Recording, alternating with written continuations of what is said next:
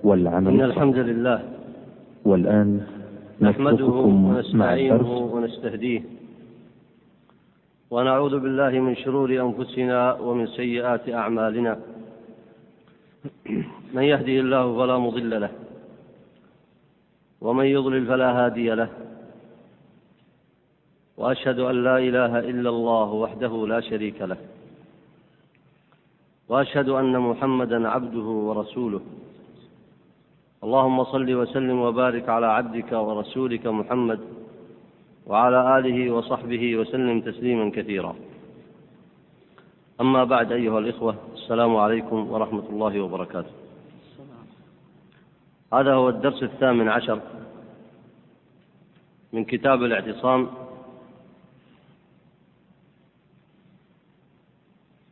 وموضوعه ما ورد من النقل عن السلف الصالح من الصحابة رضي الله عنهم في ذم البدع وأهلها. وقد التزم المصنف الشاطبي هنا بعد ذكر الآيات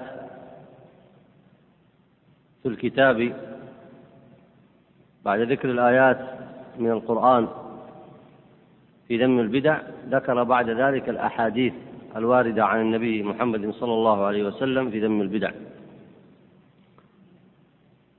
ثم ابتدأ في هذا الفصل في ذكر النقل عن السلف الصالح من الصحابة والتابعين رضي الله عنهم أجمعين في ذم البدع وأهلها. اقرأ بارك الله فيك. بسم الله الرحمن الرحيم. قال المصنف رحمه الله تعالى فصل. الوجه الثالث من النقل ما جاء عن السلف الصالح من الصحابة والتابعين رضي الله عنهم في ذم البدع وأهلها وهو كثير. فمما جاء عن الصحابة ما صح عن عمر بن الخطاب رضي الله عنه أنه خطب الناس فقال أيها الناس قد سنت لكم السنن وفرضت لكم الفرائض. وتركتم على الواضحة إلا أن تضلوا بالناس يمينا وشمالا. وصفق بإحدى يديه على الأخرى ثم قال إياكم أن تهلكوا عن آية الرجم أن يقول قائل لا نجد حدين في كتاب الله فقد رجم رسول الله صلى الله عليه وسلم ورجمنا إلى آخر الحديث. هذا الحديث ورد عند البخاري رحمه الله بقريب من هذا اللفظ. وهو في الموطأ أيضا. ورواه غيرهم من أئمة أهل الحديث. وقد ساقه المصنف هنا رحمه الله لبيان أن عمر بن الخطاب رضي الله عنه ذكر أن قوما سينكرون بعض الشرائع ويزعمون بأنها لم ترد في القرآن الكريم. وذكر مثالا هنا وهو آية الرجم. والمصنف ذكر هذا الأثر هنا ليبين به كيف حذر الصحابة رضي الله عنهم ومنهم عمر الخليفة الراشد رضي الله عنه كيف حذر من الأهواء والبدع. أنكرت بعض الفرق الضالة أنكرت الرجم رجم المحصن رجلا ورجم المرأة المحصنة لأنه بزعمهم لم يرد في كتاب الله عز وجل. وقد كانت هذه الآية كما ورد في هذا الأثر عند البخاري وغيره قال عمر وقد كانت هذه الآية في كتاب الله وهي قول الله تعالى والشيخ والشيخة إذا زنيا فارجموهما البتة نكالا من الله. ثم نسخت. نسخت تلاوة وبقيت حكما. وهذه المسألة يمثل لها العلماء في باب النسخ فيما نسخت تلاوته وبقي حكمه. وعلم أن حكمه باق بأن النبي عليه الصلاة والسلام رجم كما في قصة ماعز في الصحيح. رجم ماعزا لما زنى وهو محصن ورجم الغامدية أيضا لما زنت وهي محصنة. وكذلك قال عمر في بعض الآثار قال ورجم أبو بكر ورجمنا. ومعنى هذا أن النبي عليه الصلاة والسلام جعل ذلك سنة بعمله عليه الصلاة والسلام. وقد مضى معكم أيضا في بعض رواية البخاري في العفيف الذي زنى بامرأة آه، صاحبه قال النبي عليه الصلاة والسلام فاذهب إليها فإن اعترفت فارجمها. قال يا أنيس أغدو إلى امرأة هذا فإن اعترفت فارجمها. فدلت السنة المتواترة كما دلت السنة عموما ومثل هذه الشرائع تثبت كما هو معلوم سواء بالسنة المتواترة أو الأحادية كما هو مذهب السلف. فثبت في صحيح السنة أن الرجم شريعة من الشرائع. لكن المبتدعة منهم من يقول نكتفي بما ورد في كتاب الله ويتركون العمل بالسنة ولذلك من أوصاف البدع ترك العمل بالسنن ترك العمل بالأحاديث. وهذا الأثر الذي ذكره المصنف يدل على أنهم هلكوا بتركهم العمل بالسنة. وهو وهذا وجه إيراده هنا في بيان ذم البدع وأهلها. ولذلك قال عمر هنا سنة لكم السنن. وفرضت لكم الفرائض أي في الكتاب والسنة في قول الله وقول رسوله صلى الله عليه وسلم وتركتم على الواضحة وهذا حق فإن هذا الإسلام والإيمان والدين والشرائع ما ورد في الكتاب والسنة ترك النبي عليه الصلاة والسلام الناس فيه على الواضحة علما وقولا علما وعملا وتطبيقا وعلى ذلك أيضا مضى عهد الخلافة الراشدة على العمل فكانت سنتهم سنة معلومة مشهورة من الدين. ثم أخذ الناس فضلوا ذات اليمين وذات الشمال. أي نعم. وفي الصحيح عن حذيفة رضي الله عنه أنه قال يا معشر القراء استقيموا فقد سبقتم سبقا بعيدا وإن أخذتم يمينا وشمالا لقد ضللتم ضلالا بعيدا. وهذا يبين أيضا ذم البدع وأهلها. لأن أهل البدع القراء إما أن يكونوا أهل السنة المقصود القراء الذين يقرؤون الكتاب والذين يحملون العلم. فإن كان العلم معهم هو العلم الصحيح العلم بالسنة. لأن العلم ذكر في القرآن ممدوحا ولم يذكر ممدوحا إلا إذا كان قرين العمل واتباع السنة. وإما إن كان غير ذلك فإنه مذموم. فهنا إن استقام أهل العلم وطلاب العلم واستقام القراء الذين يقرؤون الكتاب ويتعلمون السنة إن استقاموا على الحق وعلى التوحيد وعلى البراءة من الشرك وعلى إقامة السنة. وعلى حفظ الدين وعدم التبديل فيه والتغيير على العلم والعمل والتواصي بالحق والتواصي بالصبر فقد سبقوا بلا شك سبقا بعيدا. فهنا ذكر وصف وهو الاستقامة. والاستقامة معلوم كما قال الله عز وجل الذين قالوا ربنا الله ثم استقاموا. ثم سيجزون على ذلك أنهم سيسبقون في الأجر سبقا بعيدا. في الكرامة بالدنيا بكرامة الطاعة وولاية الله عز وجل ورسوله صلى الله عليه وسلم ونصرة المؤمنين ومحبة الصالحين والنفع على أيديهم ينفع الله بهم في الأرض ويهدي بهم الخلق ثم في الآخرة سيسبقون بلا ريب سبقا بعيدا. وأما والعياذ بالله إن كان العلم معهم ليس هو علم السنة وليس هو متابعة النبي عليه الصلاة والسلام وليس هو العلم الذي مدحه الله ورسوله صلى الله عليه وسلم فإنهم سيأخذون يمينا وشمالا أي في مخالفة الكتاب والسنة. ثم يترتب على هذا الوصف المهين لقد ضللتم ضلالا. ولاحظوا هنا أكده. ثم وصفه بأنه الضلال البعيد والعياذ بالله. ولذلك قال سفيان وغيره من فسد من علمائنا ففيه شبه باليهود والعياذ بالله. لأن اليهود قرأوا الكتاب وعلموا أن فيه الإيمان بالنبي محمد صلى الله عليه وسلم فكتموا هذا العلم ولم يعملوا بمقتضاه وهو متابعة النبي عليه الصلاة والسلام واتباع دين الإسلام ونصرته عليه الصلاة والسلام على ما جاء به من دين الإسلام لم يعملوا بذلك. فكان فسادهم في ذلك وضلالهم في ذلك كان ضلالهم ضلالا بعيدا. من فسد من علمائنا ففيه شبه باليهود. ومن فسد من عبادنا ففيه شبه بالنصارى. لأن النصارى يتعبدون على الجهل. والعابد في هذه الأمة إذا تعبد على جهل ففيه شبه بالنصارى. والعالم إذا فسدت نيته ووجه علمه كما قال هنا أخذ يمينا وشمالا فقد ضل ضلالا بعيدا. والمقصود بالقراء العلماء.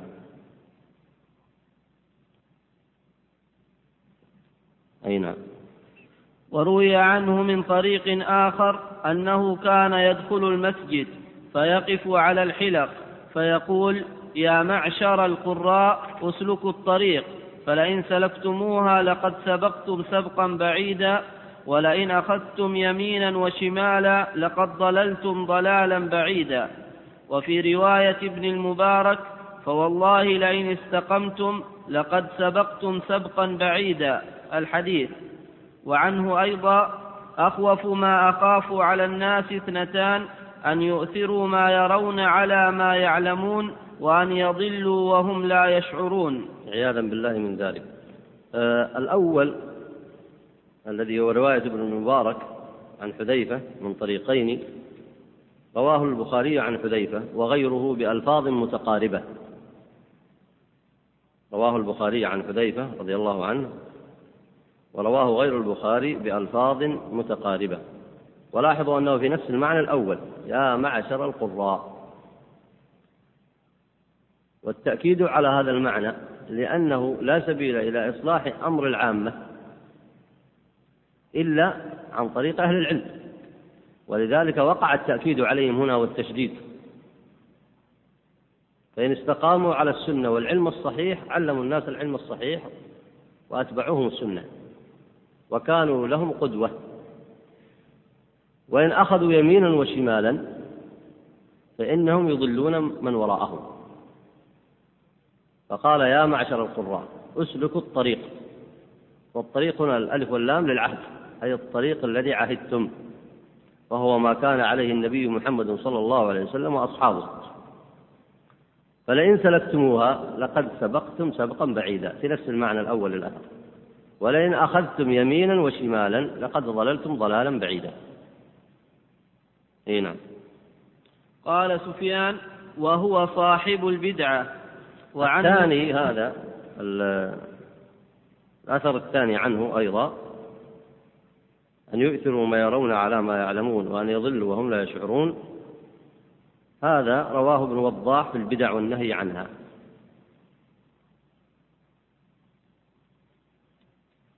أي نعم.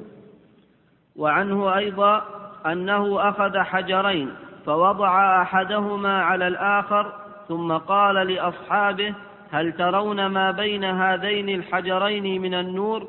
قالوا يا أبا عبد الله ما نرى بينهما من النور إلا قليلا. قال والذي نفسي بيده لتظهرن البدع حتى لا يرى من الحق إلا قدر ما بين هذين الحجرين من النور. والله لتفشون البدع حتى إذا ترك منها شيء قالوا تركت السنة. هذا الأثر أيضا رواه ابن وضاح في البدع والنهي عنها. ولاحظوا استعمال وهو مروي عن حذيفة استعمال المثال التطبيقي العملي في بيان المقصود. وضع حجرين فوضع أحدهما على الآخر. فقال هل ترون ما بين هذين الحجرين من النور؟ قالوا يا أبا عبد الله ما نرى بينهما من النور إلا قليلا.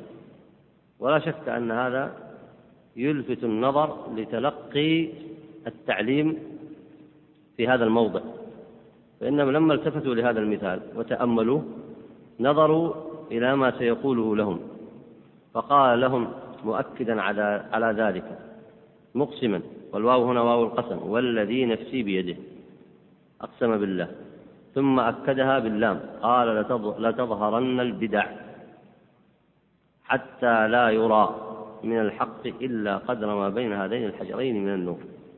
ثم أكد ذلك باللام وبلفظ آخر. قال لتفشون البدع. حتى إذا ترك منها شيء وأكدها بمعنى آخر. قالوا تركت السنة. وهذا مستقرأ في قرون كثيرة. إذا تركت البدع قالوا تركت السنة. وإذا أمروا بالسنة قالوا هذا أمر غريب. وهو يعود لما علمتم من غربة الإسلام كما ورد في الأحاديث التي ساقها المصنف في أول هذا الكتاب. أي نعم. وعنه أنه قال أول ما تفقدون من دينكم الأمانة وآخر ما تفقدون الصلاة ولتنقضن عرى الإسلام عروة عروة وليصلين نساؤكم وهن حيض ولتسلكن طريق من كان قبلكم حذو القذة بالقذة.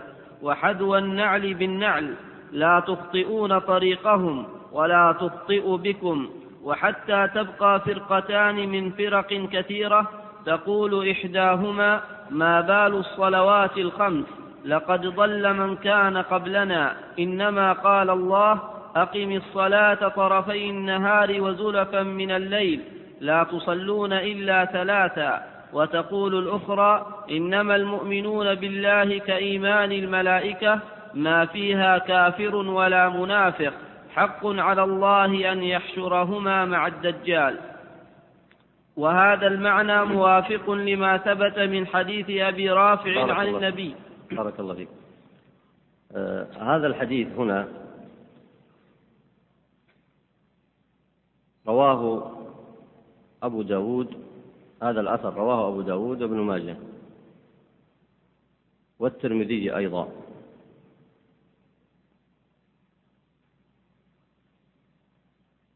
أي نعم. وهذا المعنى موافق لما ثبت من حديث أبي رافع عن النبي صلى الله عليه وسلم أنه قال لالفين أحدكم متكئا على أريكته يأتيه الأمر من امري مما أمرت به أو نهيت عنه فيقول لا أدري وما وجدنا في كتاب الله اتبعناه.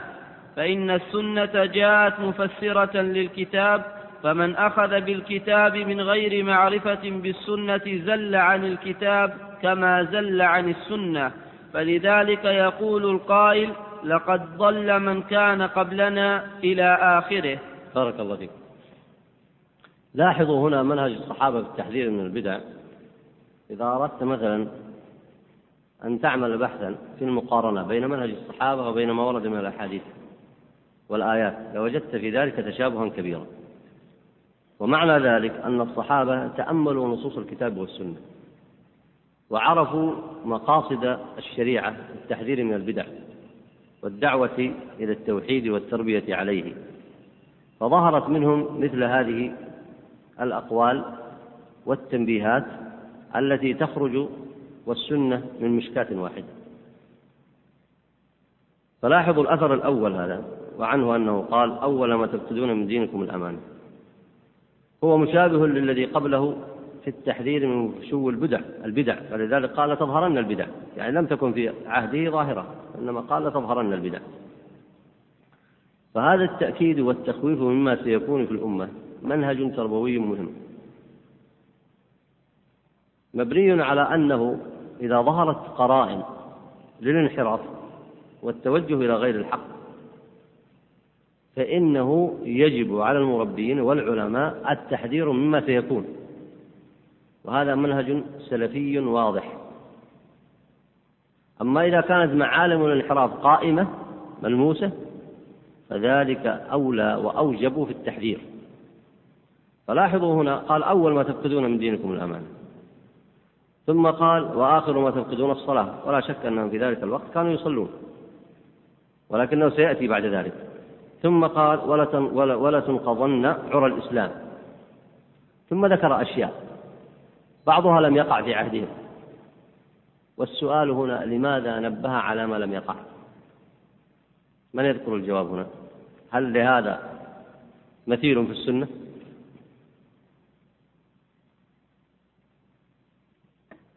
تفضل أي نعم.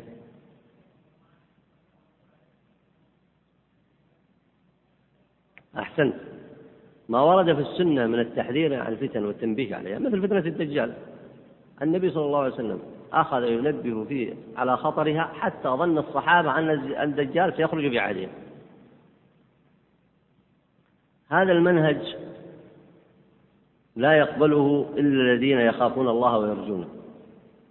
هم الذين يستفيدون منه أنهم يخافون الله ويرجون لقاء الله ويخافون على دينهم ويخافون على أخلاقهم ويخافون على منهجهم. فهذا المنهج أو هذا المنهج التنبيهي في التربية والتعليم يزيدهم إيمانا. مثل أهل الإيمان لما كانت تنزل عليهم الآية من القرآن تزيدهم إيمانا والمنافقين تزيدهم عمى. فهذا المنهج أهل الإيمان وأهل الإخلاص وأهل العلم الذين يخافون على ما آتاهم الله من الخير والهدى يستفيدون من هذا المنهج. فيحذرون إذا حذروا. وأهل الأهواء إذا حذروا بمثل هذا قالوا أين ذلك؟ ومتى يقع؟ ولماذا تشددوا علينا؟ ولماذا تكثر في الكلام في الكلام في هذا؟ ولماذا تكثر الكلام وتحذر من هذا وتحذر من هذا؟ فلاحظوا هذا المنهج السلفي في التربية فهو منهج مهم. أكثر هذه التحذيرات في وقت الصحابة بعضها لم يقع ومع ذلك حذروا منه. فكيف لو كان واقعا؟ لكان تحذيرهم منه أشد. فهذا المنهج لا يكرهه إلا أهل الأهواء الذين يرغبون أن يبقى الشر في الأمة أو أنها تستقبله وهي غافلة عنه. ولذلك لا يناسبهم هذا المنهج لأنه منهج تعليمي تحذيري ينبه الأمة لكي تحذر. والذين يريدونها أن تنام لا يناسبهم مثل هذا المنهج. فهذا منهج سلفي تشهد له النصوص كما تلاحظون. ثم تأملوا هذا ولا تسلكن طريق من كان قبلكم حذو القدة بالقدة. القدد بضم القاف وفتح الذاء الأولى هو ريش السهم. عندما يراش السهم واحدتها قدة لماذا سميت بهذا؟ قال أهل العربية لأن كل واحد من واحدة منها تقطع على قدر صاحبتها. يعني الرايش يقطع كل واحدة مثل الأخرى. فهي مثيلة لها ومشابهة لها. الجامع ما هو؟ بينها التشابه. فيأتي أناس من هذه الأمة يسلكون طريق من كان قبلهم. من هم الذين كانوا قبلهم؟ اليهود والنصارى. يسلكون طريقهم. حذو القدة بالقدة والجامع بين المعنى المراد هنا والمعنى اللغوي هو التشابه. ولاحظوا أن التشابه هنا يكاد أن يكون مماثلة. ولذلك عبر باللفظ المذكور. ثم قال وحذو النعل بالنعل. أكرمكم الله. في واحد يلبس نعل طويلة وقصيرة؟ ولا إذا قايستها وجدتها؟ حذو النعل بالنعل أي هذا أيضا لفظ يدل على ماذا؟ على التشابه. ثم خذ تأكيدا آخر. لا تخطئون طريقهم. عياذا بالله. نسأل الله السلامة والعافية. اتباع البدع والأهواء سواء عند اليهود والنصارى أو غيرهم ومشابهتهم في مناهجهم وأخلاقهم وهديهم شوف التأكيد. لا تخطئون طريقهم ولا تخطئ بكم. نسأل الله السلامة. يعني كأنهم لزموها. فأشربت بها قلوبهم فتجدهم لا تخطئ بهم ولا يخطئونها. لكن أمر السنة والإسلام والدين والشريعة يتقلبون عنه ذات اليمين أخذوا به عنه يمينا وشمالا والعياذ بالله. فهم لا يضبطونه. لو ضبطوا أمر الإسلام وساروا مع النبي عليه الصلاة والسلام. تأمل الآن الأمر بضد ذلك. قوم يلزمون السنة لا ينقضون من عرى الإسلام شيئا. لاحظ حتى تدرك أن منهج التربية والدعوة يريد إخراج هذا الصنف من الناس ويريد هذه الأمة أن تجتمع بأخيارها على مثل ذلك. لا يفقدون من دينهم الأمانة يلزمون الأمانة تابع النص ويحافظون على الصلاة. ولا ينقضون عروة واحدة من عرى الإسلام. ويسلكون طريق نبيهم محمد صلى الله عليه وسلم والصحابة حذو القدة بالقدة. لا يخطئون طريقهم ولا تخطئ بهم. كيف يكون هؤلاء؟ وهذا هو مقصد التربية الإسلامية والدعوة إلى الله عز وجل. مقصده مقصد الدعوة إلى الله أن تخرج مثل هذا الصنف من الناس حتى يكثر الأخيار ويكثر أهل العلم والهدى. قال وحتى تبقى فرقتان من فرق كثيرة. طبعا المقصود هنا التحذير. وليس مقصوده الاستقصاء. لاحظ النص الآن. مقصود حذيفة ليس مقصوده الاستقصاء وإنما مقصوده التحذير مما سيكون. ولذلك يكفي في التحذير مثال أو مثالين. يكفي في التحذير مثال أو مثالان. ولذلك قال حتى تبقى فرقتان من فرق كثيرة ثم ذكر فرقتين. تقول إحداهما ما بال الصلوات الخمس؟ وهذا سبب من أسباب الابتداع وهو الاكتفاء بما ورد في القرآن. مثل الذين أنكروا الرجم فتشوا في القرآن قالوا ما في رجم المحصن. هؤلاء المبتدعة فتشوا في القرآن قالوا ما في الصلوات الخمس. التي هي الصبح الظهر والعصر والمغرب والعشاء. يريدون أن ينص على الخمس نصا بألفاظها بأسمائها. فقالوا هذا ليس موجود في القرآن فيكفينا صلاة في أول النهار وآخره وهذا شأن أهل البدع كما هو شأن أهل الأهواء كما هو شأن المنافقين أيضا. لا يمكن أن ينعزلوا عن الدين بالكلية بحيث يتركوه. وإنما تدخل عليهم الأهواء فتجد عندهم نور من السنة تارة وتجد وتغشاهم البدعة في أمور كثيرة. يأخذون شيئا من الدين ويتركون أشياء كثيرة أخرى. السبب المنهج. لو أنهم رجعوا إلى السنة ما قالوا ما بال الصلوات الخمس. لوجدوا الصلوات الخمس في سنة النبي عليه الصلاة والسلام. شوف لاحظ تطور الانحراف. أتراهم يكتفون بذلك؟ زادوا على هذا أمرا آخر. من يستظهرون من النص؟ مم.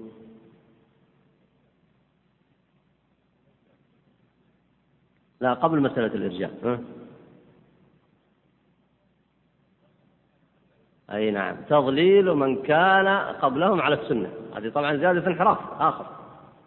لاحظتم؟ لقد ضل من كان قبلنا. ثم خذ المتشابه والاستدلال وترك المحكمات. المحكمات أن النصوص السنة ذكرت الصلوات الخمس والعمل جار على ذلك وإجماع المسلمين جار على ذلك. ألا يكفي هذا لمن أراد الهدى؟ فراحوا فيما اشتبه لهم من الفهم فقالوا أقم الصلاة طرفي النهار وزلفا من الليل.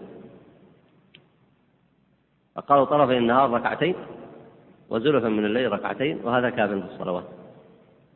أقم الصلاة طرفي النهار وزلفا من الليل. أي نعم. آه ثم قال وتقول الأخرى الفرقة الثانية ولاحظوا أنه ذكر فرقتين من باب المثال فقط لا الاستقصاء لجميع الفرق. وتقول الأخرى إنما المؤمنون بالله كإيمان الملائكة.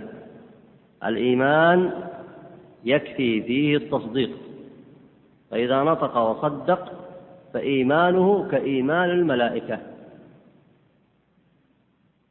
يعني خلاص وقف كل شيء الدعوة والعلم والتربية. إيمانه كإيمان إيش؟ الملائكة.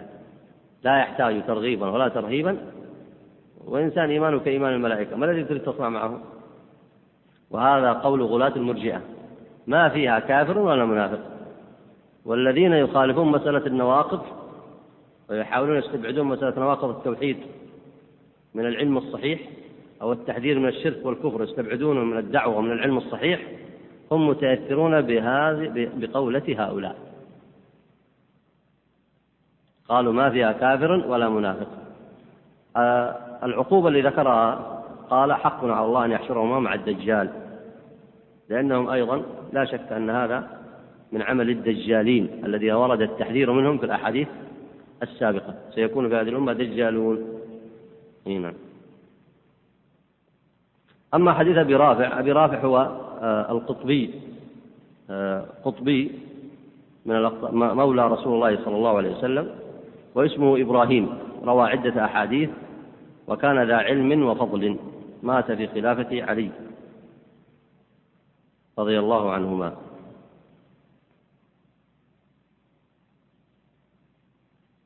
وحديثه هنا المذكور وحديث صحيح آه، رواه أبو داود وابن ماجه والترمذي. وهو في نفس المعنى السابق.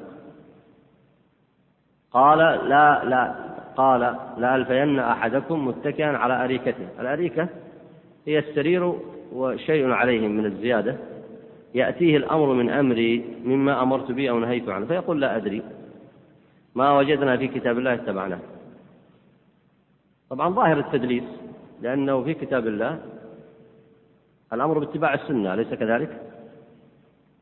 أليس في كتاب الله الأمر باتباع السنة؟ فلماذا لا يتبع هذا السنة؟ لكن أهل البدع وأهل الأهواء إذا عارضوا الشرع ودخلوا في بعض الدين وتركوا بعضه دخلوا في المتشابه وأضلوا الناس بالجدل كما قال الله عز وجل وكان الإنسان أكثر شيء جدلا. كما في الصحيح جاءت امرأة إلى ابن مسعود فقالت يا ابن مسعود أراك تلعن الواشمة والمستوشمة. ووالله لقد قرأت كتاب الله من أوله إلى آخره. فما وجدت ذلك فأين ذلك يا ابن مسعود؟ فقال رضي الله عنه والله إن كنت إن كنت قرأتيه فقد وجدتيه. في قول الله تعالى وما آتاكم الرسول فخذوه وما نهاكم عنه فانتهوا. هذا في كتاب الله السنة في كتاب الله. ولذلك عند في علم الأصول السنة راجعة لكتاب الله. وما آتاكم الله وما آتاكم الرسول فخذوه وما نهاكم عنه فانتهوا وما ينطق عن الهوى إن هو إلا وحي يوحى كتابا أو سنة. والإجماع داخل أيضا في الكتاب والقياس أيضا داخل في الكتاب. أي نعم. وهذه الآثار عن حذيفة من تخريج ابن وضاح وخرج أيضا عن عبد الله بن مسعود رضي الله عنه أنه قال اتبعوا آثارنا ولا تبتدعوا فقد كفيتم.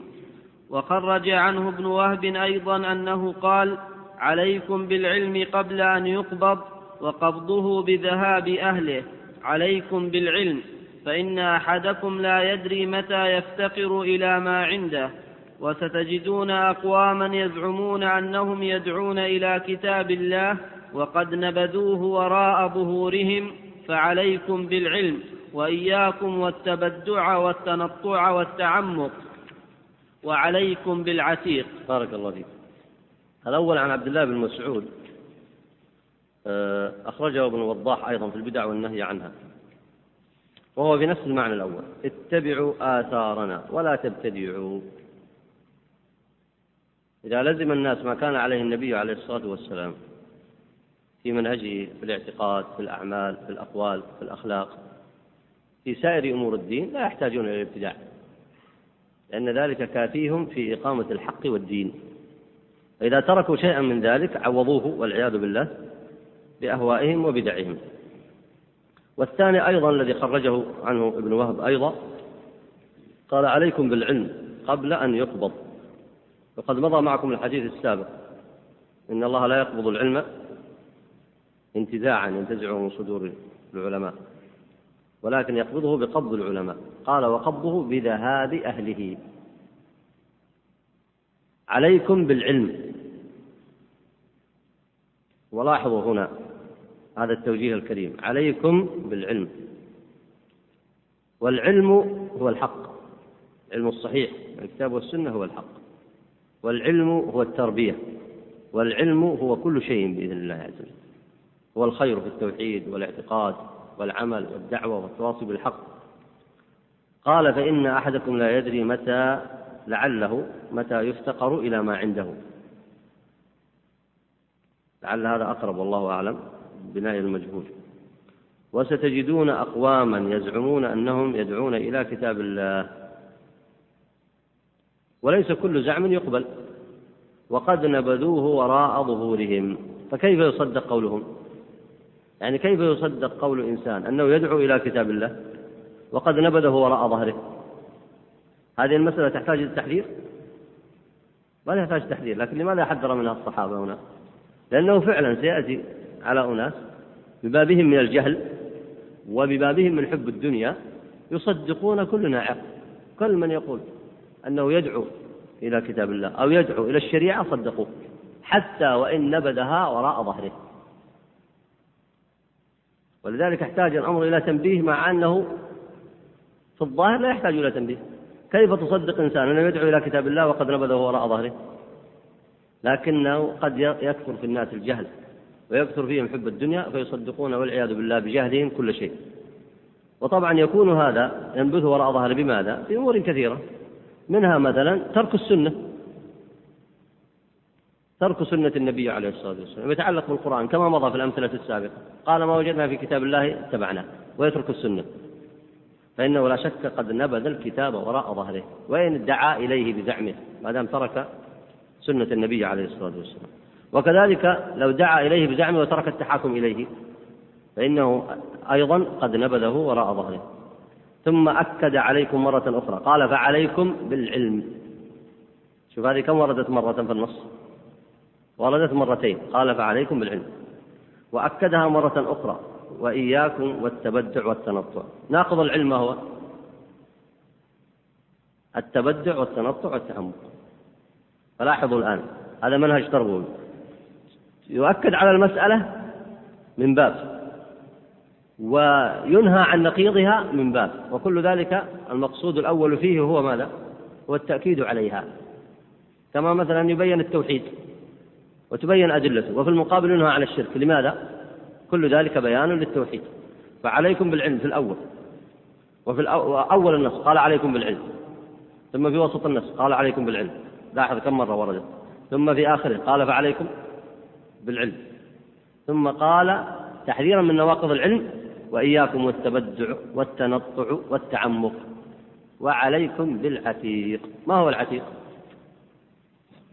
القديم. هو مثل الآن في عالم العصرانية الحديثة كل قديم مردود بزعمهم حتى يردون دين المرسلين. القديم الذي هو توحيد الله وعبادته والحق الذي أنزله الله على نبينا محمد صلى الله عليه وسلم وعلى المرسلين جميعا عليهم الصلاة والسلام. وسيأتي معكم أيضا في الآثار القادمة أيضا في الآثار التي ستأتي الأمر باتباع منهج الأنبياء. هذا هو العتيق وهو الحق الذي أنزله الله عز وجل على رسله عليهم الصلاة والسلام. وهذا الأثر أخرجه الدارمي الدارمي وابن وضاح في البدع. وأخرجه أيضا البغوي في شرح السنة. طبعا الذي يقابل العتيق في هذا الموضع هو آراء الآراء التي أحدثها الناس وعليها كثير من المتأخرين من المتفقهة وغيرهم. وهي الآراء الضعيفة سواء في العقائد أو في الأحكام.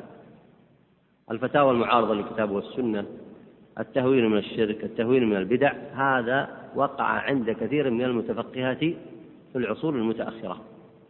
ووقع أيضا في كثير من أتباع الأئمة الأربعة. ووقع في غيرهم كثير. فإذا أخذت بالعتيق فإياك وهذا الذي أحدثه الناس.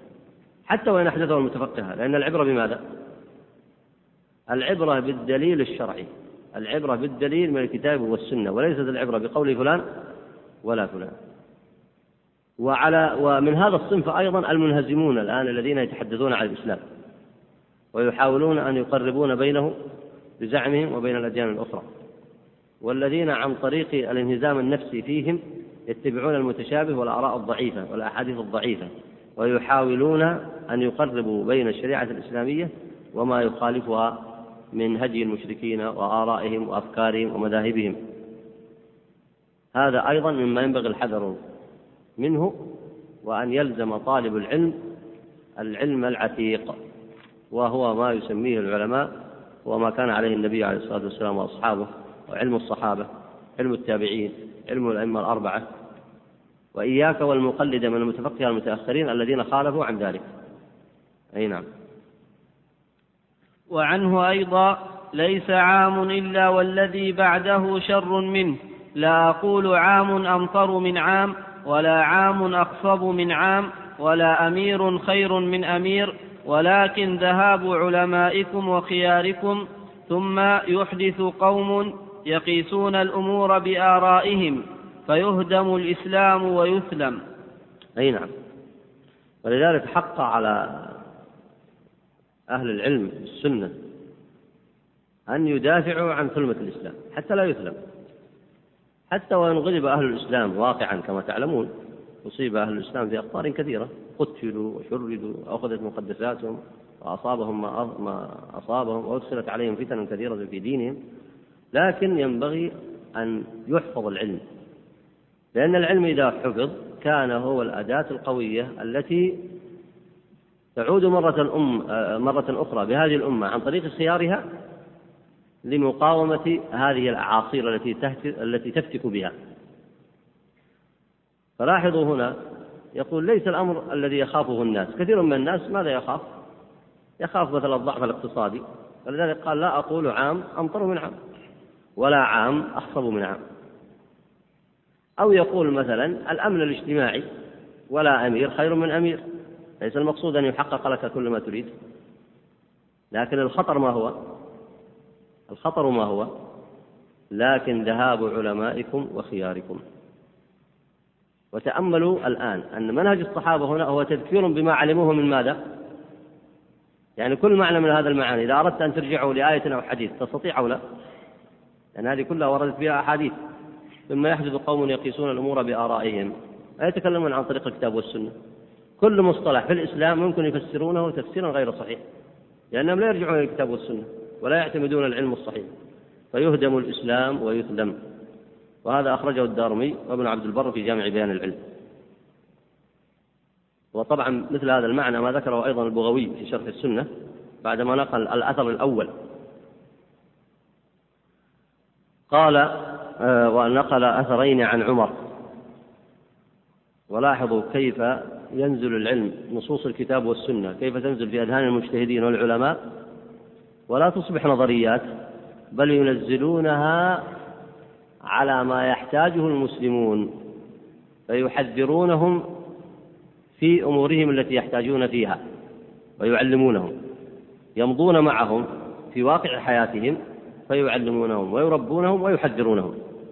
أثر الأثر الأول عن عمر قال من سوده قومه على الفقه كان حياة له ولهم. ومن سوده قومه على غير فقه كان هلاكا له ولهم. والأثر الثاني بنفس المعنى أيضا أخرجه البغوي عند هذا الأثر عند الأول كله أخرجه في موضع آخر. قال هل تدري ما يهدم الإسلام؟ طبعا هذا السؤال للتنبيه. قلت لا. قال يهدمه زلة العالم وجدال المنافق بالكتاب وحكم الأئمة المضلين. هذا كله تأكيد لهذه الأمة. تبقى دائما في مرحلة استعداد للمحافظة على منهجها للمحافظة على عقيدتها للمحافظة على شريعتها للحذر من كل ما يسلم الإسلام ويهدمه. طبعا الإسلام كما هو معلوم محفوظ لكن المقصود يهدمه في واقعهم فيغيرون ذات اليمين وذات الشمال. اقرأ بارك الله فيك.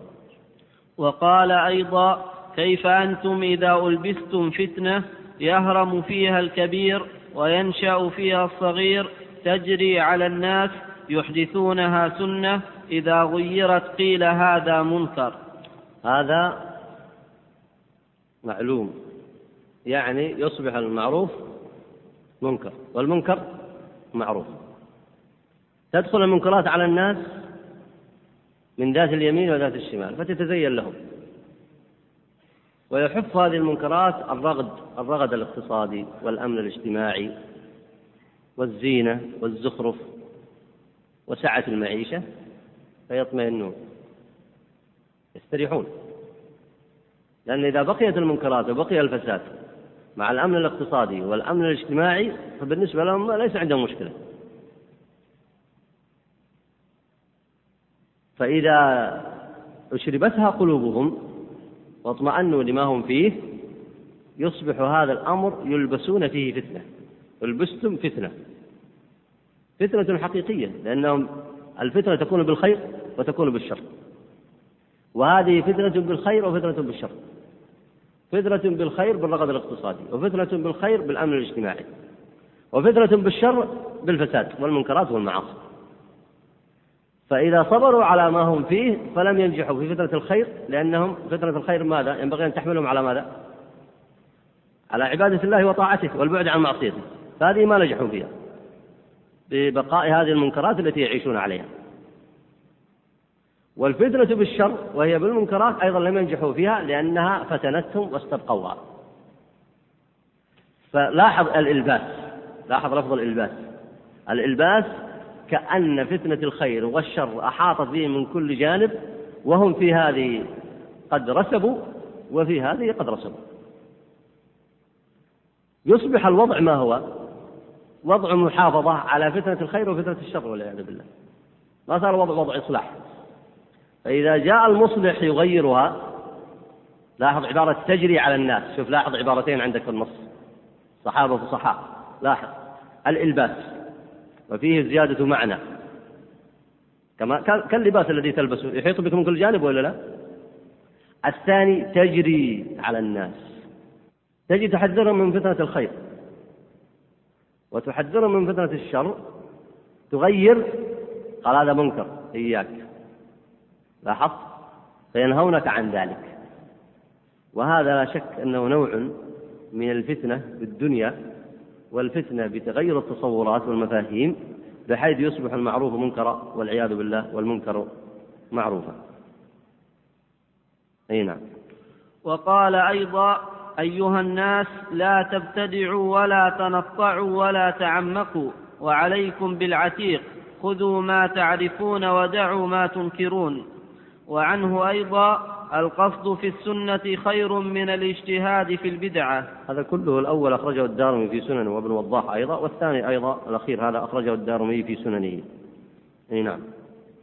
وقد روي معناه مرفوعا إلى النبي صلى الله عليه وسلم عمل قليل في سنة خير من عمل كثير في بدعة. المحقق هنا قال صحيح كما بينه جزاه الله خير في البدعة وأثرها السيء في الأمة. ولعله وجد سندا يصححه إلا فقد ذكر غيره أن في سنده هذا أبان بن يزيد العطار لينه القطان وضعفه الشيخ الألباني. آه، فلعل المحقق وجد له ما يقويه. لكن المعنى معتبر. لأنه ما الذي والعياذ بالله ينفع المرء إذا كان عمله كثير وتعبده كثير لكن على غير سن على غير سنة وبصيرة وعلم. لا ينفعه. إي نعم. أما إذا كان على سنة وعلم وبصيرة فإن الله يبارك له فيما عنده. إي نعم. قليلا كان أو كثيرا. وعنه أيضا خرجه قاسم بن أصبغ أنه قال أشد الناس عذابا يوم القيامة إمام ضال يضل الناس بغير ما أنزل الله ومصور ورجل قتل نبيا أو قتله نبي. هذا المحقق هنا قال سبق آه، قال ضعيف كما في ضعيف الجامع الصغير والزيادة والزيادات لكن هذا الحديث مر معنا أو لا.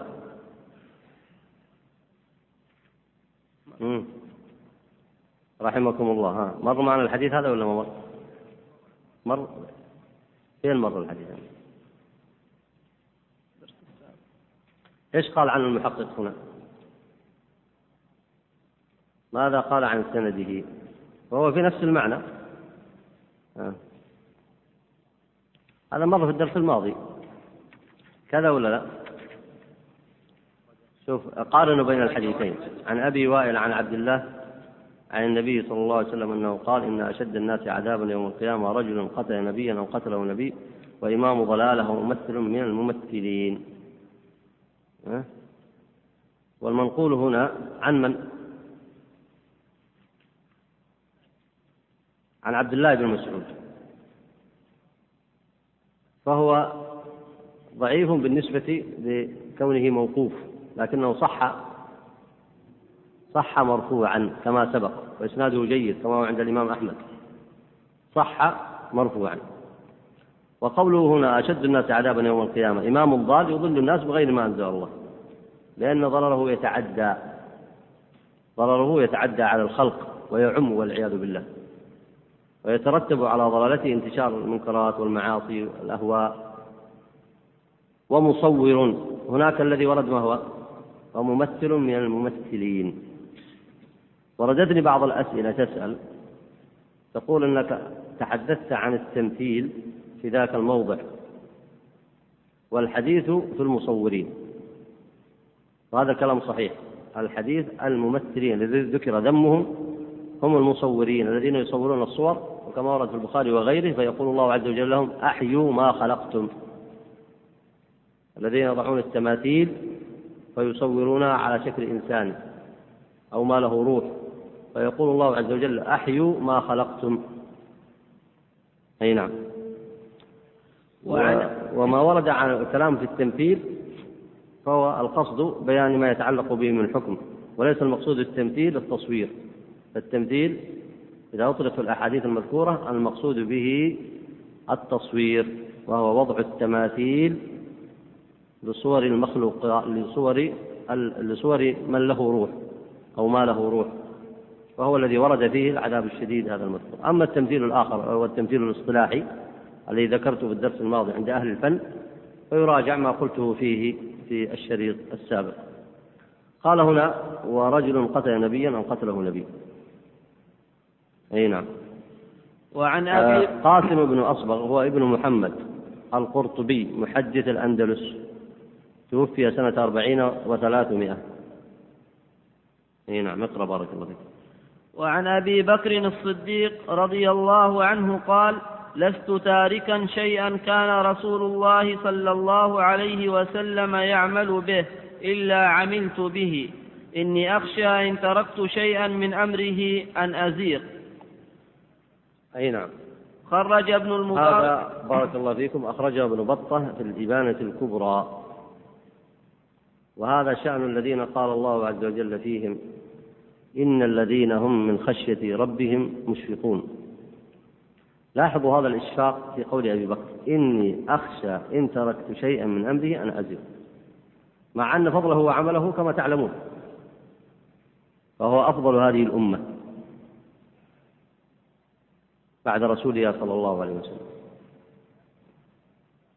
لكن هؤلاء داخلون في قول الله تعالى ونسأل الله أن يلحقنا بهم غير خزايا ولا ندامة. داخلون في هذه الأوصاف الكريمة. تأملوا هذه الآيات. إن الذين هم من خشية ربهم مشفقون. والذين هم بآيات ربهم يؤمنون. والذين هم بربهم لا يشركون. والذين يؤتون ما آتوا وقلوبهم وجلة أنهم إلى ربهم راجعون. هذا من أعلى صفات أهل الإيمان. تمام الخشية. والشفقة من عذاب الله عز وجل. الذين هم من خشية ربهم مشركون والإيمان بآيات بآيات الله كلها. ولا يشركون بالله شيئا. أكبر لا شركا أكبر ولا شركا أصغر. ويؤتون ما آتوا من عمل الطاعات وقلوبهم وجلة خائفة مشفقة. هل يتقبل الله منهم أو لا؟ هل ترى هناك منزلة أكبر من هذه المنزلة في الإيمان؟ فقال الله عز وجل عنهم أولئك يسارعون في الخيرات وهم لها سابقون. أولئك يسارعون في الخيرات وهم لها سابقون. فهؤلاء لا يزكون أنفسهم. إذا عرفت أن الرجل والعياذ بالله يهلك نفسه بنفسه فانظر إليه وهو يزكي نفسه. منذ أن يزكي الإنسان نفسه فاعلم أنه قد هلك والعياذ بالله. إلا أن يتداركه الله برحمته. وإن رأيته يشفق على نفسه فارجو له الخير. ولذلك الحقيقة مما ابتليت به الأمة في كثير من أحوالها أن كثيرا من الخلق أو أكثر الخلق لا يحسنون والعياذ بالله إلا تزكية أنفسهم.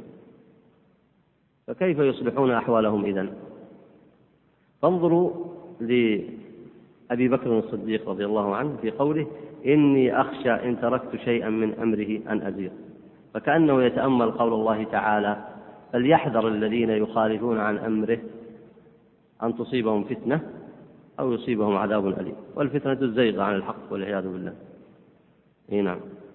اقرأ بارك الله خرج ابن المبارك عن ابن عمر قال بلغ عمر بن الخطاب أن يزيد بن أبي سفيان يأكل ألوان الطعام فقال عمر لمولى له يقال له يرفع. إذا علمت أنه قد حضر عشاؤه فأعلمني. فلما حضر عشاؤه أعلمه فأتاه عمر فسلم عليه. فلما حضر عشاؤه. عشاؤه. فلما حضر عشاؤه أعلمه فأتاه عمر فسلم فأتاه عمر فسلم عليه. فاستأذن فأذن له. فدخل فقرب عشاءه. فجاء بثريد لحم. فأكل عمر معه منها ثم قرب شواء فبسط يزيد يده وكف عمر يده ثم قال والله يا يزيد بن أبي سفيان أطعام بعد طعام والذي نفس عمر بيده لئن خالفتم عن سنتهم ليخالفن بكم عن طريقهم. نعم. كم بقي من الوقت بارك الله فيك. هذا الأثر رواه ابن المبارك في الزهد. والسؤال هو أين علة النهي؟ أنتم تعلمون أن الإنسان إذا قرب إذا جعل على طعامه على سفرة طعامه أكل طعاما أكل زيتا وملحا مثلا أو أكل خبزا ولحما أو جعل معه مثلا فاكهة فقد جمع بين طعامين ليس كذلك؟ يعني لو قسمه قسمين ممكن يتغدى على هذا ويتعشى على هذا فجمع طعامين فهل هذا أمر منكر؟ فالسؤال هنا أين علة النهي هنا التي قالها عمر وأيضا ما علاقة هذا بالباب فأولا السؤال الأول أين علة النهي هنا هل علة النهي الجمع بين لونين من الطعام أم ماذا؟ تفضل. نعم. أي نعم. إدخال الطعام على الطعام؟ يعني واحد يأكل ساعة وبعد ساعتين يأكل هذا أدخل الطعام على الطعام. هل هذا علة النهي؟ أي نعم. مخالفته للسنة. طيب كيف وقعت المخالفة للسنة؟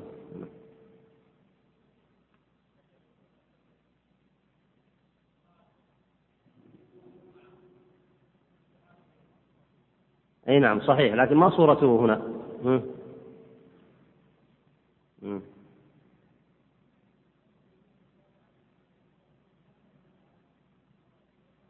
هذا المقصود. بس ما هو علة ما هي علة النهي هنا؟ يعني ما هي الصورة هنا؟ الصورة إيه؟ تفضل. الصورة هنا جمع بين لونين من الطعام أو صورة أخرى. إيه؟ هذه الحكمة منه صح؟ إيه؟ أنه خشي عليه التزود إيه؟ ارفع صوتك الله يبارك اي يعني جابوا في وقت واحد؟ وضعهما معا في وقت واحد؟ أنتم الآن مشغولون الآن بالعشاء بلا ريب. لكن على اية حال جعلهما لونين في على صفرة واحدة؟ هذا السؤال. أو أن هناك صورة أخرى؟ تفضل. أي. يعني قضى من عشائه وانتهى. والطباخ شغال. انتهى من العشاء. الآن واضح. عمر أكل الثريد ولا لا؟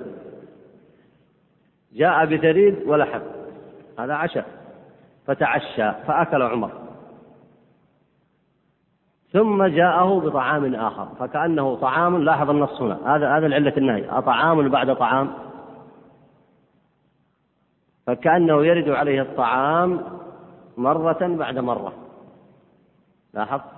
ولا شك أن هذا فيه آه، مخالفة وأيضا فيه مخالفة لما كان عليه النبي عليه الصلاة والسلام وأيضا فيه آه، توسع مذموم. فيه توسع مذموم. لأنه إذا كفاه وتعشى من الأول فكيف يرد له الطعام وبعد الطعام بعد الطعام وهو على مائدة واحدة؟ فلا شك أن هذا فيه توسع مذموم لم يكن الناس يعرفون ذلك. فأنكر عمر ذلك وهذا وجه إدخال هذا الأثر هنا في النهي عن البدع. لأنهم إذا توسعوا في هذا توسعوا في غيرها. وإذا توسعوا في غيرها دخلت عليهم البدع. إيه نعم.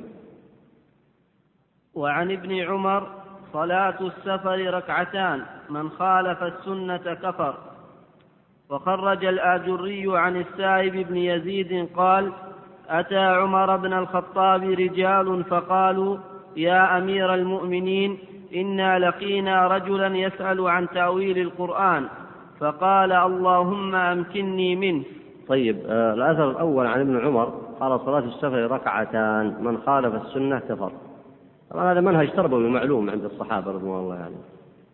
والمقصود به التحذير والمقصود به الوعيد فإن الفعل قد يوصف بوصف للتحذير ووصف هنا بأشد أنواع التحذير وهو قوله من ترك من خالف السنة كفر وأورده طبعا المصنف هنا لينبه رحمه الله على أن إذا كانت مخالفة السنة في الركعتين في السفر فيجعلها الرجل أربع ركعات. الظهر تقصر لركعتين والعصر كذلك والعشاء كذلك. فهو يخالف السنة المعلومة من فعل النبي عليه الصلاة والسلام فيجعل الركعتين أربعة. فإن في ذلك مخالفة ورد فيها التحذير المذكور. فكيف إذا كانت المخالفة في العقائد؟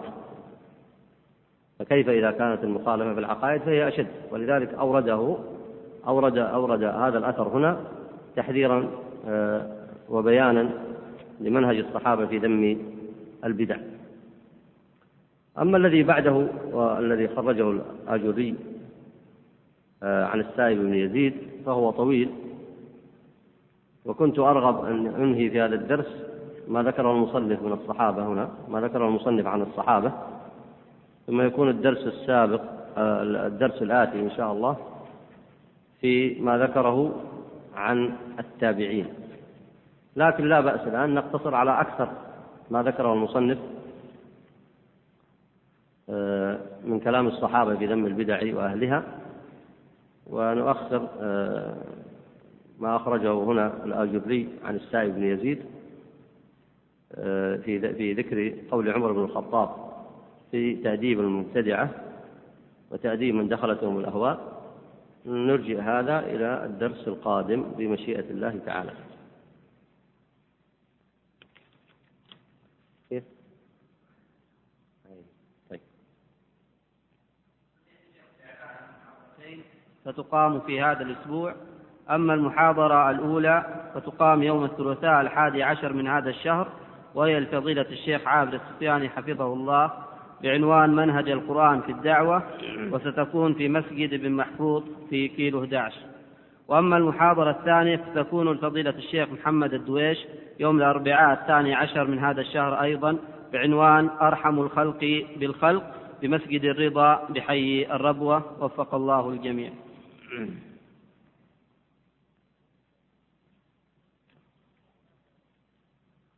يقول هناك أحد أئمة المساجد لا يواظب على الإمامة في المسجد. هل يجوز له أخذ الراتب وينيب عنه رجل آخر ويعطيه بعض المال؟ طبعا الجواب أن هذه أمانة ينبغي أن يقوم بها. فإذا لم يستطع فليخرج نفسه من من هذه العهدة ويرد الأمانة إلى أهلها. والأوقاف يبحثون عن رجل آخر يقوم بالمسجد. يعني لا يحتاج أن يأتي برجل ينيب عنه ويعطيه مال. لا. إذا لم يستطع أن يقوم بهذه الأمانة فعليه أن يرد الأمانة إلى أهلها. هذا يقول قول الله تعالى سورة البقرة كذلك قال الذين من قبلهم مثل قولهم تشابهت قلوبهم. هل يمكن أن ترد هذه الآية؟ أو تنزل هذه الآية على تشابه قول المبتدعة بقول اليهود والنصارى من قبلهم؟ هذه الآية في كفار قريش لما شابه قولهم قول اليهود والنصارى في طلبهم المستحيلات لكي يؤمنوا. ومنه قولهم هنا لو يخاطبنا الله بنبوتك يا محمد. يعني ما يكفي يأتي معهم بكتاب أو بمعجزات لابد أن ينزل الله لهم سبحانه وتعالى فيخاطبهم وهم يسمعون ويرون فيقول هذا نبيي. ولا شك أن هذا من التمحلات. كذلك قال الذين من قبلهم نعم من اليهود والنصارى وتشابهت قلوبهم. ويمكن أن آه، تحمل هذه الآية على محمل السلف أيضا على طريقة الشاطبي التي ذكرها واستدل عليها بأدلة كثيرة من قول السلف الصالح رضوان الله عليهم في تنزيل الآيات التي وردت في التحذير من بدع اليهود والنصارى وهديهم أن تنزل على من ماثلهم وكل بحسبه يقول هنا إذا قال القائل أسأل الله أن يدخلنا في مستقر رحمته فهل في هذا خطأ؟ الذي يظهر لي ليس فيه خطأ. نسأل الله عز وجل أن يرحمنا وإياكم والمسلمين. هذا يقول توفي والدي وأنا صغير وكنت أبلغ من العمر تسع سنوات. ولدي أخت تكبرني عاما واحدا. المشكلة هنا أني تزوجت هنا المشكلة هنا يقول تزوجت تزوجت والدتي من رجل من أقاربها. وكانت أختي تعيش معهم حتى الآن. وهي تبلغ من العمر 22 سنة. والرجل هذا كبير في السن وهو تارة طيب وتارة يكون العكس وأختي لا تحتجب أمامه. ونحن نقول له الوالد والسؤال هنا هل يجوز لأختي أن تكشف شعرها ووجهها أمامه أم لا يجوز؟ هذه حكمها والله أعلم في الحرمة حكم البنت. قول الله تعالى في المحرمات أبدا حرمت عليكم أمهاتكم وبناتكم وأخواتكم إلى قول الله تعالى وربائبكم اللاتي في حجوركم. هذه ربيبة. إذا تزوج الرجل امرأة ولها بنت فإنها فإن فإن ابنتها ربيبة له. وهي مستثناة في قوله تعالى وربائبكم اللاتي في حجوركم من نسائكم اللاتي دخلتم بهن. فلا بد أن يكون قد دخل بها. وصورة المسألة هنا أنه دخل بها دخل بالأم. آه، فإن لم تكونوا دخلتم بهن فلا جناح عليكم وعلى هذا فهي تلحق بالمحرمات أبدا محرمات تحريما أبديا فلها حكم البنت من الصلب يقول ما الحكم ما الحكمة من تغيير المكان بعد صلاة الفريضة عند أداء السنة؟ هل ورد في ذلك حديث؟ أفيدونا جزاكم الله خيرا.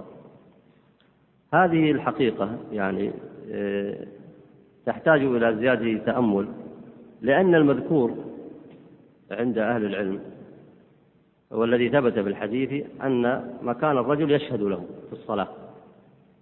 فإذا غير المصلي مكان صلاته في السنة عن مكان صلاته في الفريضة وطلب أن يكون له أكثر من شاهد يشهد له أكثر من محل فهذا له أصل كما ورد في السنة.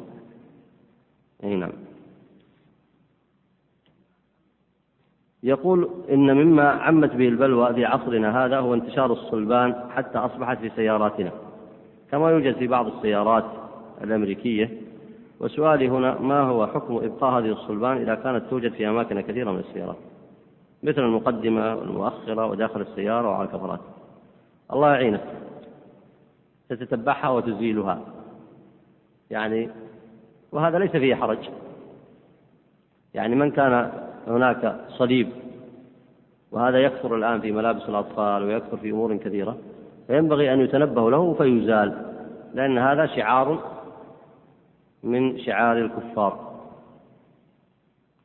يقول هنا آه، ألا يدخل في قوله صلى الله عليه وسلم وممثل من الممثلين أي الرجل الذي يمثل يمثل آه، يمثل بالقتيل يقول يمثل في القتيل. يمثل بالقتيل ببقر بطنه أو قطع أذنه أو غير ذلك من التمثيل. هذه يسميها العلماء المثلة وهي غير غير آه، عمل الممثلين. هذا المثلة وهي محرمة كما هو معلوم. القتل إن كان بغير حق فهو محرم. وإن كان القتل بحق فوقعت فيه المثلة أيضا فهو محرم ولا يستثنى من ذلك إلا ما كان في الصلب.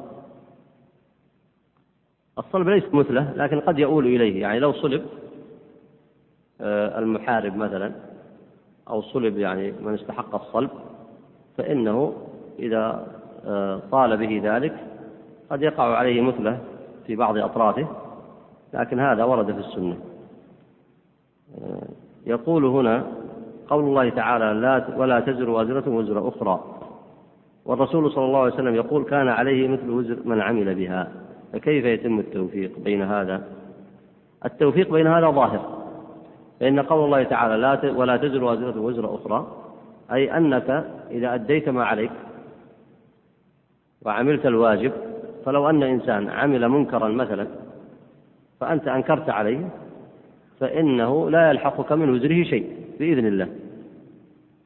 وكذلك إذا قام إنسان مثلا وظلم إنسان آخر وأنت لم تعنه على ذلك فإنك لا شيء عليك ولا يلحقك من وزره شيء.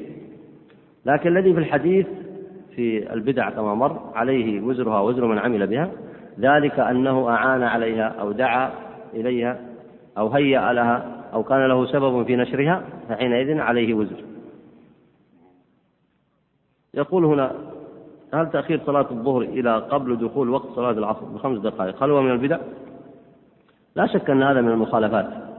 لكن إذا أخرها الإنسان لعذر كغلبة نوم أو غيره ولم يكن له ذلك عادة فإنه ورد أن النوم غلبة النوم لمن ليس له عادة في ذلك معفو عنه قال ما رأيك في من آه، يدعو إلى الله وينكر المنكر ويأمر بالمعروف ولكنه لا يحفظ الأحاديث كما جاءت في نصها ولكنه يأتي بالمفيد من هذا الحديث هل هذا يدخل في تحريف الأحاديث؟